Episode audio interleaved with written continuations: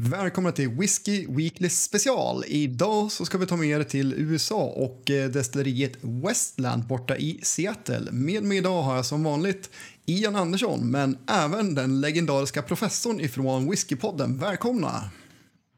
Tackar så mycket. Okej, amerikansk whisky då.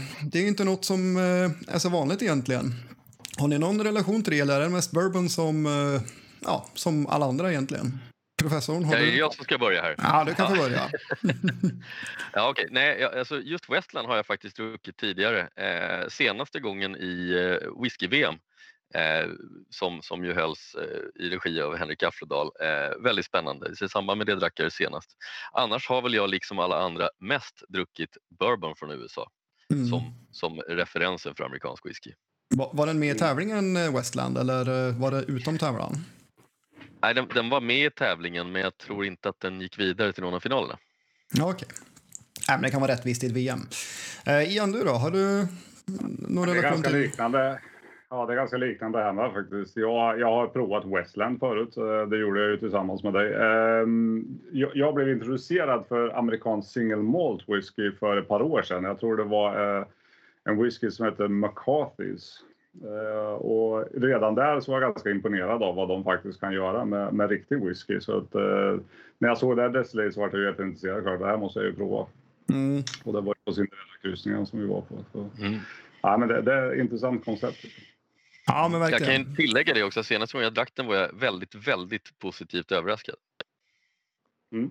Ja, men det är samma här. När- På båten, jag var ju med dig då igen och nu simmar du i bild lite grann, men nu är du tillbaka. Jaha, Han glider ut lite till vänster här. Det, Ja, han, försöker vara i fred med sin Westland. ja. ja precis.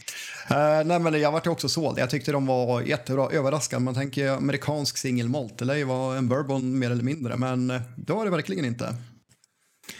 Och vi ska säga det också, deras core range som vi har framför oss här då, det är ju alltså American Oak, det är Sherrod och Peated. Så vi ska titta lite närmare på dem, men innan vi gör det kan vi bara kolla lite snabbt här på ni som tittar då. Eh, Westland det ligger alltså uppe i Seattle i nordvästra USA. Eh, markerna där Förlåt, kring... men har du den här kartan hemma hos dig? Absolut, det här är en bild på min vägg. Jag är mycket imponerad. Ja. Eh, nej, men de där markerna är väldigt bra för att odla korn och det är lite så det kom sig att eh, de har en filosofi där man har allting ifrån nordvästra USA så långt det går. Eh, så det är en liten speciell sak då för, för området i och kring Seattle där de ligger. Eh, men sen Ian, du kanske kan berätta lite grann om det här, deras Five Malt Barley Bill, för det var ju något du fastnade lite för i smakerna. ja, så det är lite kul tycker jag när, när de eh, experimenterar med malt och, och jag är ju framförallt väldigt svag när de börjar ha lite rostad malt i. Det ger en, en eller chokladmalt i. Det ger, det ger en väldigt, väldigt intressant karaktär och en väldigt speciell profil. Och det framhävs ju i de här också, vilket är en av de mest eh, vad ska man säga, den tydliga röda linjen i deras whiskyportfölj liksom, av de vi har provat hittills. Att det är någonting annorlunda med malten jämfört med vanlig. Och det, det finns ju skotska whiskys med, med liksom chocolate malt i, men det är ju väldigt, det är väldigt ovanligt. Men de som gör det har jag också tyckt har varit liksom väldigt intressanta och väldigt bra whisky. Så att, eh, det, det här är ju någonting som tydligen faller min tunga på smaken och det, det, det fortsätter även i den här. Mm. Men den här rostningen gör det lite intressant också som de har. Det blir lite mer alltså det blir sockrigare av den rostningen speciellt och eh, även en del nötig smak. Så professorn, det är ju något du verkligen kommer märka av idag. Ja, det är ju min stora svaghet här, men jag kan ju bara annars instämma med, med Ian och säga att det finns alldeles för lite eh, rostad malt, alldeles för lite chocolate malt i whisky i världen överhuvudtaget. Det är svingott om man ska uttrycka det hela på, Mm. i, i professionella termer. Så, Ja, men det är det verkligen. Jag, jag tror väl att den kändaste jag vet är ju den här Glenmorangie Signet och det vet jag ju är liksom en fantastiskt populär whisky och en Mm. av liksom de bättre whiskyna jag, jag har provat liksom i den prisklassen med. Och det, jag håller med dig, det finns för lite av det. Så det här tycker jag är jättekul när det kommer både från USA och med det här konceptet. Liksom. Mm. Ja, för den där maltblandningen, eh, vi kanske ska säga vad det är för de som faktiskt lyssnar också. Det är ju alltså... Eh, oj, nu hoppade bilden till här hos mig. Eh, ja, jag får inte se den heller.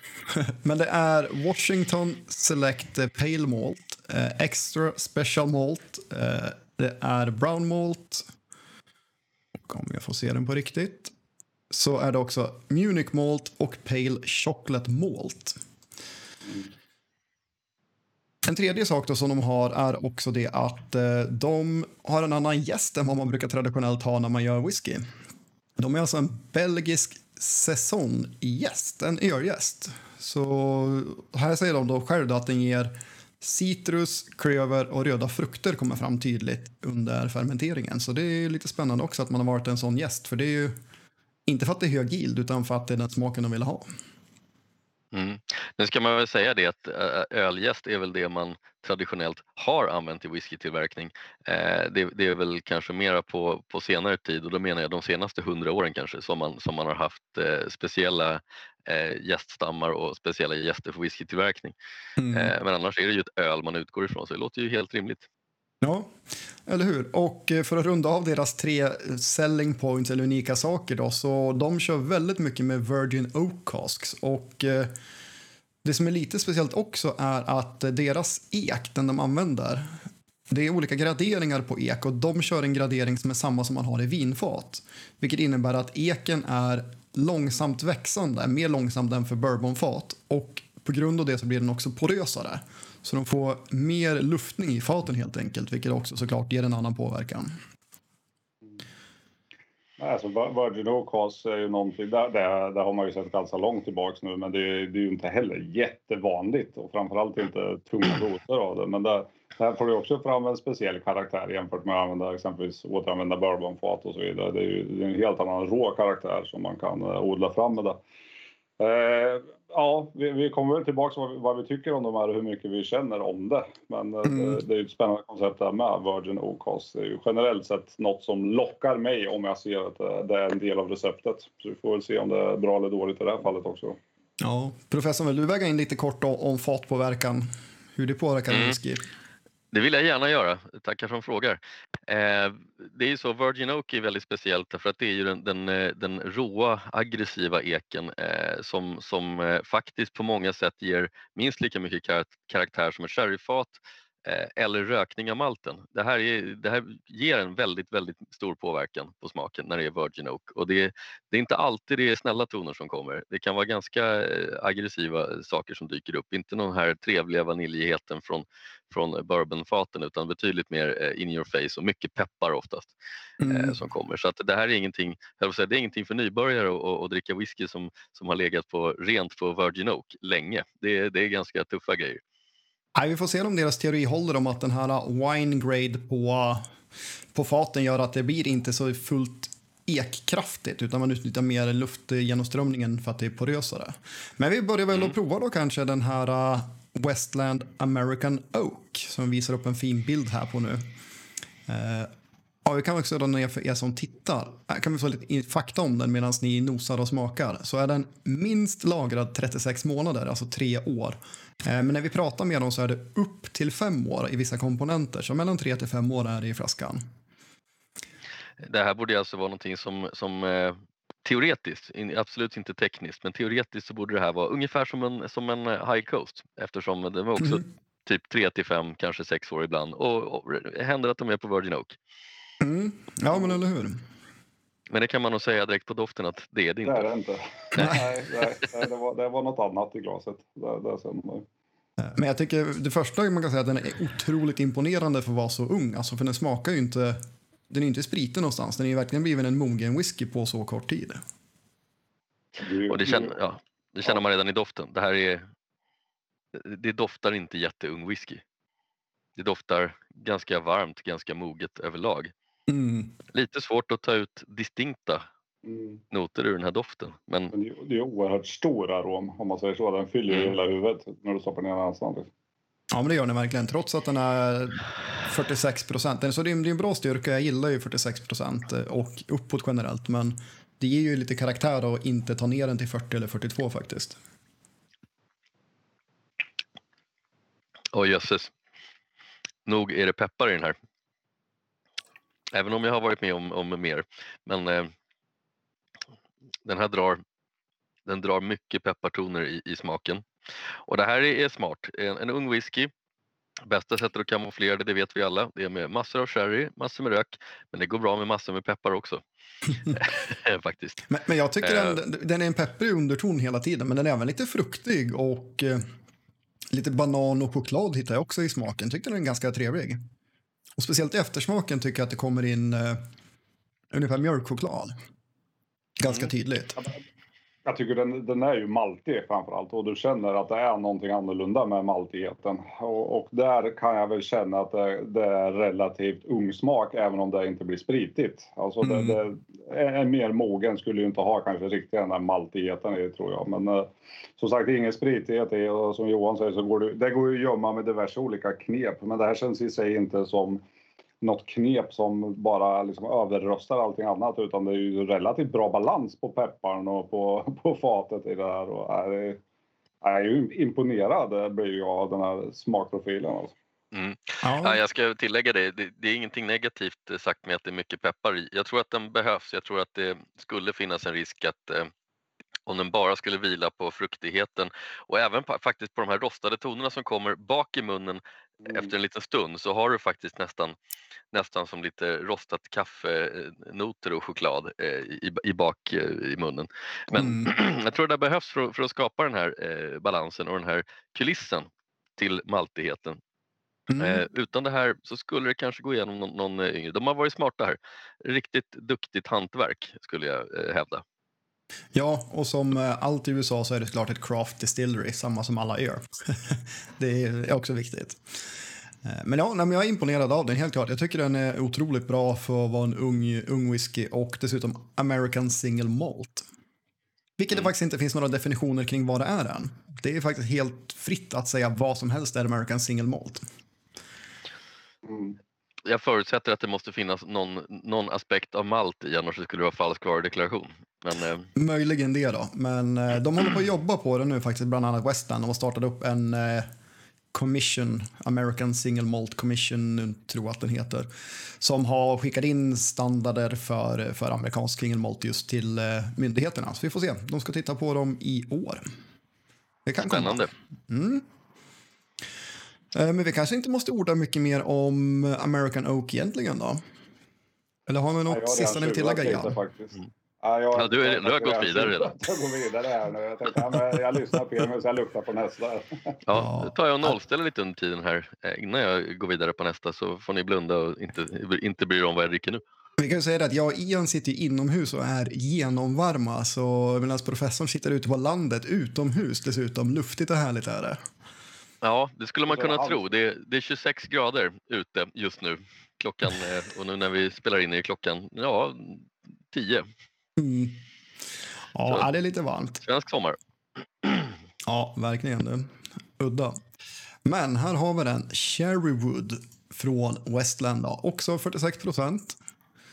Eh, Den har legat då på både Oloroso och eh, Pedro Jimenez, eller PX, och eh, New American Oak, alltså deras Virgin Oak. Så det är ingen bourbon-influens i den här, utan det är bara Cherry och Virgin Oak som de har varit att eh, lagra den på. Mm.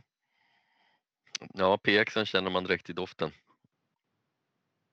Oloroson kanske inte lika framträdande. Det brukar finnas en ganska typisk eh, apelsinton som jag tycker döljs lite grann av, av PX-russinen här i doften. Mm. Men hitta, en- det, det är typ en, eh, du vet så här baksirap. Typ sån sötma i det. Mm, det kommer nog också från PXen. Mm. Jag älskar det. Om ni, för, för er som inte har druckit Pedro Jiménez Sherry, gör det någon gång så förstår ni vad jag menar. Kan också nämna det. Det var, De tar alltså, det var det tittarna och lyssnarna jag pratade med. ja. Ja, jag kan också nämna det. De, de, de tar all deras, alla deras sherryfat från den här så kallade sherrytriangeln i Spanien som i princip alla andra destillerier också gör. Eh, Så de skeppar dem Den hela fungerar fat till likadant som USA. Bermudatriangeln. Alla som besöker den och kommer dit prövar sherryn och försvinner spårlöst. Precis. Det är så trianglar funkar. Mm. Jag sitter här och jag håller med där ni säger. Det, det är klart det finns, eh, absolut finns det en sherryton, det är en sherrylagring. Men jag tror det, det första som jag tänker på som blir framträdande är just likheterna som är på den här jämfört med första på, på American Oak. Alltså just den här på något sätt, om det, det, det är viss pepprighet i den här med, inte lika framträdande. Mm. Men just den här maltiga, rostiga havrekompositionen i den, den, den, följer med i den här. Det är inte jättestor skillnad faktiskt. Nej, och det och måste ju vara deras Virgin Oak om, som har den. Ja, alltså det måste ju finnas eh, något, något, liknande även här. Jag tror det är mer än bara malten som är, som är, som är gemensamheter här. Och jag tycker sherryn, den, den, den, finns ju där, men den sitter ju inte i framsätet. Det är ingen sherrybomb, det kan vi vara helt Nej. överens om. Utan här, här, det här är sherrykryddat. Mm. Eh, den var mer sherry i doften än i smaken.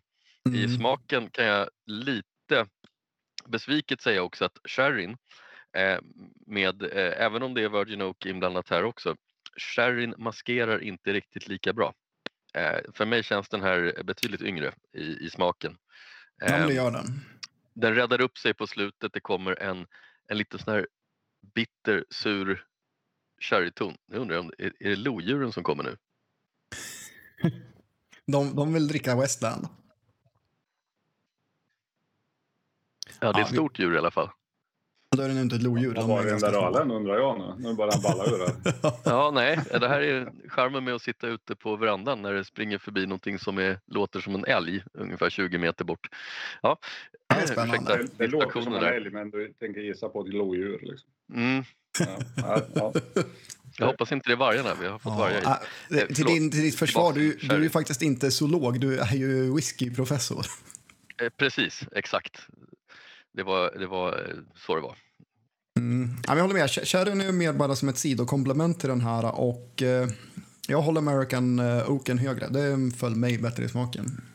Ja, det, det blir en, en liten surhet i den här. Mm. Den kommer ju förvisso lite efteråt, men det, det, finns en syra i den här som inte riktigt överensstämmer. Den, den är inte jätteotäck, men den kommer ju fram liksom. Så när, när man liksom har suttit här en minut efter man har smakat den, då, då är den så trevligt i munnen. Nej. Nej. Liksom... Det är roligt för att det är, det är, den som räddar upp det lite för mig på slutet. Så det är, en smakfråga också. ja, ja, det är det definitivt. Nej, men det är inte en översötad sherry i smaken överhuvudtaget. Den är lite sur och russinen är liksom... Och det är inte så söta russin. Jag vet inte vad man ska säga om, om just den sherrytonen som kommer med den. Att den är lite, lite surbitter, lite torr. Som den kan vara ibland jag är fortfarande där att jag menar om du jämför med som en high code som vi har pratat om så känns det ju väldigt mycket mer mer whisky, mer tyngd, mer mognad i den här än en uh, standardflaska man har druckit som är 3 till 5 år. Mm. Oh det, det, slinker igenom lite mer yngre toner i den men det är ändå med tanke på vad det är för något så är det ju liksom rejält hög kvalitet. Mm. Det, det måste jag ändå säga. En, en, fråga här eh, till, till någon som vet, eh, avslöjar min egen okunnighet om Westland.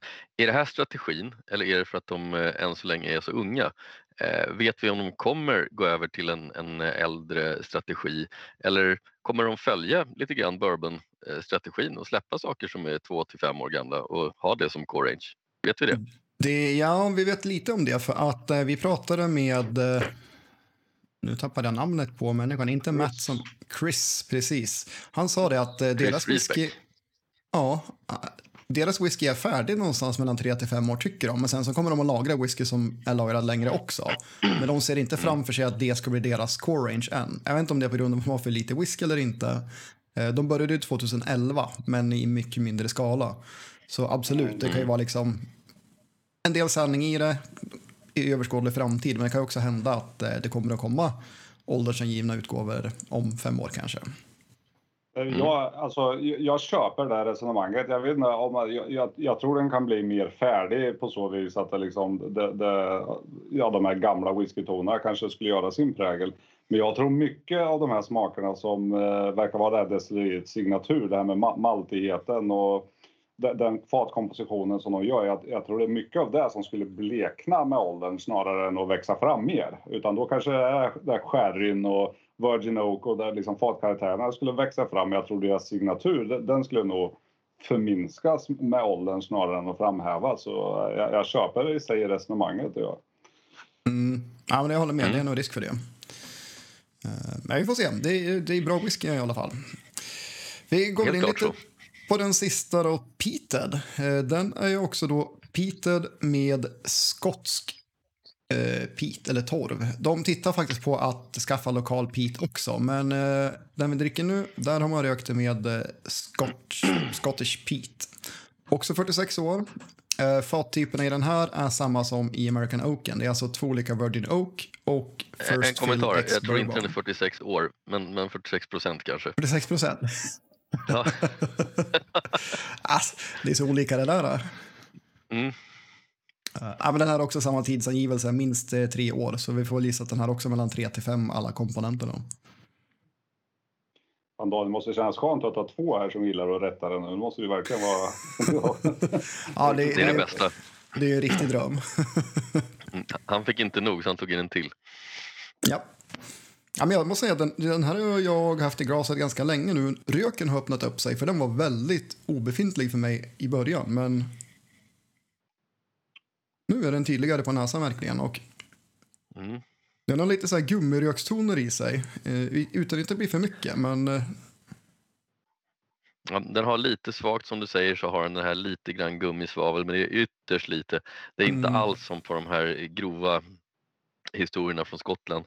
Men den har en, en rökig sötma, nästan en karamellighet som är, är väldigt intressant i röken.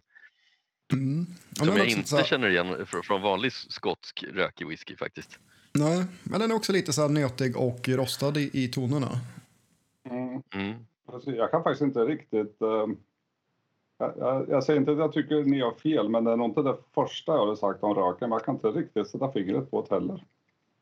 Det känns Faktiskt. inte bekant på något sätt. Exakt, det är något fel på den här röken. De, har gjort något i mer. Ja, Ja, det... den är lite är unik, så kan man säga. Men det är också lite, i- mer i den här, alltså det är mer eh, typ citrus apelsinhållet än vad jag haft i de andra. Men visst är han, han är ju lite kemikalisk alltså, i tonen tycker jag. Den är lite fenolig och lite så också. Eh, faktiskt lite grann. Jag, tror att, jag trodde att du skulle reagera lite mer positivt för att jag kan dra vissa paralleller till, Nej, till Det här, det här är inte en kulila.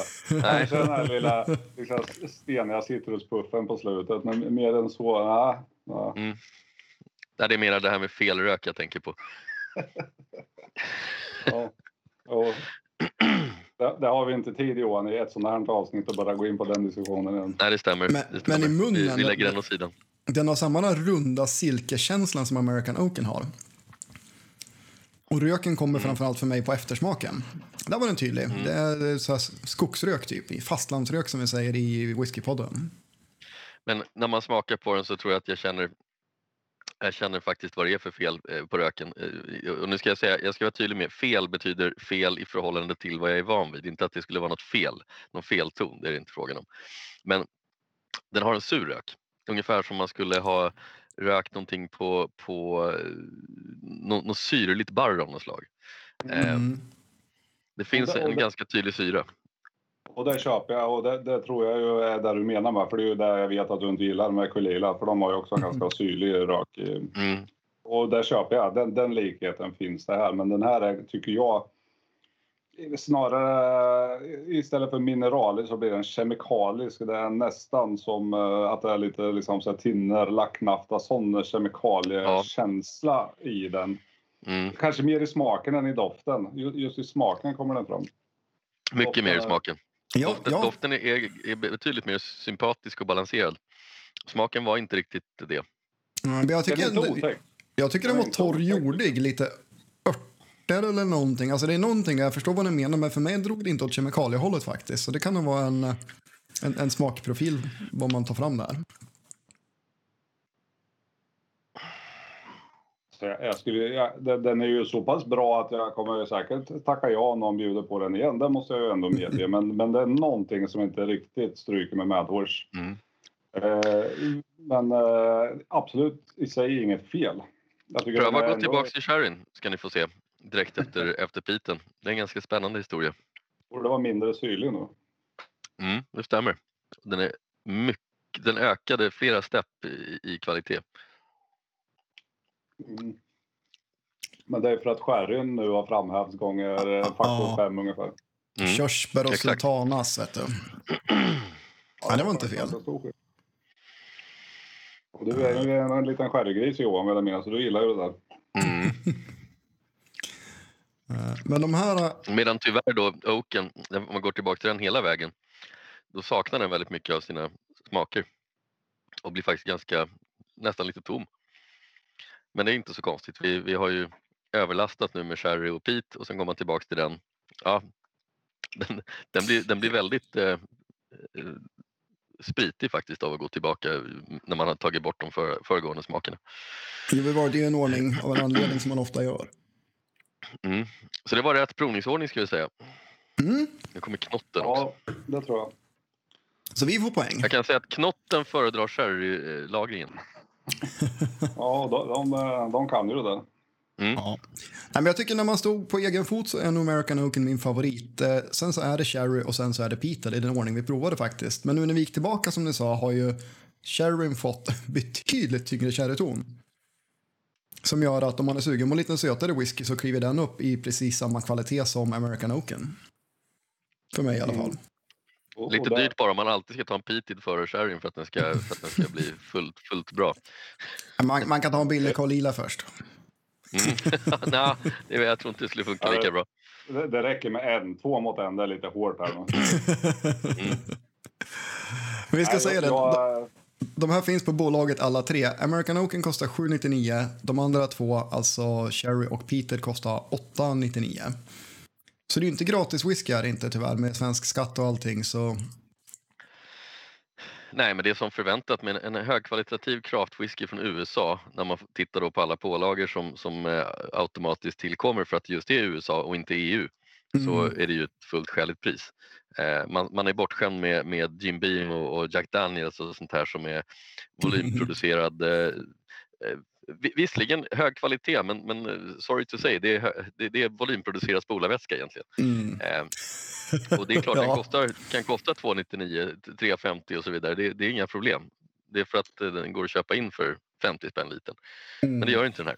Men det är ju 70 centiliters flaskor. eh, Ja, det ska jag också säga. Och det är ju liksom Ja. vi jämför med svensk craft whisky eller svenska destillerier och de flaskorna de släpper då som är på 50 centiliter. Det, det blir ganska stor skillnad då. Ja, då är det ju Ja, billigt helt plötsligt. Så att det, det låter inte alls som ett orimligt pris för vad det är. Eh, och särskilt när det är från USA. Nej, Mm. och det, ska vi tilläggas det här med craft whisky. Det, det är väl många som slänger sig med sådana här termer. Men, men vi, vi har ju träffat eh, folk från destilleriet och jag har träff, vi har ju träffat många folk från olika destillerier genom tiderna nu. Och måste säga att det här är ju en av de absolut mest engagerade, passionerade whiskymakarna jag har stött på. Liksom det, det brinner i ögonen på dem när han får prata om Mm. sin whisky. Så liksom fantastiskt tycker han att det här är att få hålla på med de här grejerna och experimentera och få fram den här whiskyn. Så det, bara, bara det var ju, tyckte jag var imponerande när vi stod och pratade med honom. Mm. Ja, men faktiskt. Ja, jag Ja. förstår det. det. Det är ju sånt som är väldigt roligt när de är engagerade på riktigt och då blir det så här bra. Jag kan Mm. dra lite, lite paralleller till hur Braunstein beter sig med, med sin produktion och sin whisky. Ja, men faktiskt. Faktiskt. De är också glada typer som gillar att prova nya saker. Mm. Och som blir förvånansvärt bra. Mm, verkligen. det. Men då, för mig, jag tycker ska man köpa Westland då är nog American Oaken det första insteget. Det är en väldigt bra inblick i vad de vill med sin whisky. Och eh, sen efter det kan man besluta om man vill kanske ta en Cherry och en Peated efter det. Men vad, vad säger du professorn? Ja, men jag säger att, eh, jag är ledsen att säga det, men peated- peated-versionen den, den behöver man faktiskt inte köpa alls. Därför den är inte stiltypisk för Westland. Eh, Jag tror inte att det är dit de är på väg. Den är nog mest gjord för de som gillar rökig whisky. Och även till exempel Lafroig har en väldigt stor marknad i USA. Eh, Mm. Och därmed så är- är, det, är den nog mer gjord för att tilltala de som har fått rök på hjärnan. Eh, Jag tycker inte den är representativ. Både sherryn och, och, och eh, oaken väldigt trevliga, eh, mer subtila, balanserade historier eh, där eh, jag nog måste också säga att, att Oaken är nog den bättre av de två. Just eftersom den, den, jobbar, den jobbar lite ärligare. Det är, det är Mm. inte lika mycket maskerat med sherry. Och, och i ärlighetens namn, den lyckas nästan, nästan bättre med det än, än sherryn gör. Så att det, det är en bra komposition, riktigt bra. Eh, faktiskt min favorit. Nu när den kommer tillbaks lite grann efter jag har släppt Beated så Jag, jag börjar känna nya frukter, lite persika, lite andra grejer. Det, den, den, är ganska, den är bra. Mm. Ja, den är trevlig. Ha, och igen du då, får du få avsluta ja, idag nästan. Sista ord om Westland och ja, Core Range. Jag sitter och funderar på om vi skulle köra 100 provningar vi tre, hur många gånger vi faktiskt skulle vara överens om utgången. Men eh, idag är ett sånt unikum där jag faktiskt sitter och håller med exakt vad ni har kommit fram till här. Eh, men det ska ju tilläggas att jag är ju inte en jätte-sherry-fan, även om jag tycker att sherrywooden i det här fallet, den är, det är så pass diskret sherry och den eh, signaturen och malten och deras liksom kännetecken lever kvar så pass starkt i den här så det blir en, en bra balans med sherryton snarare än en sherrywhisky med lite annat i. Men jag tycker att American Oaken är strået vassare. Jag älskar det råa, peppriga. Eh, jag, jag har alltid gillat det och kommer fortsätta göra det. Eh, så den är snäppet vassare.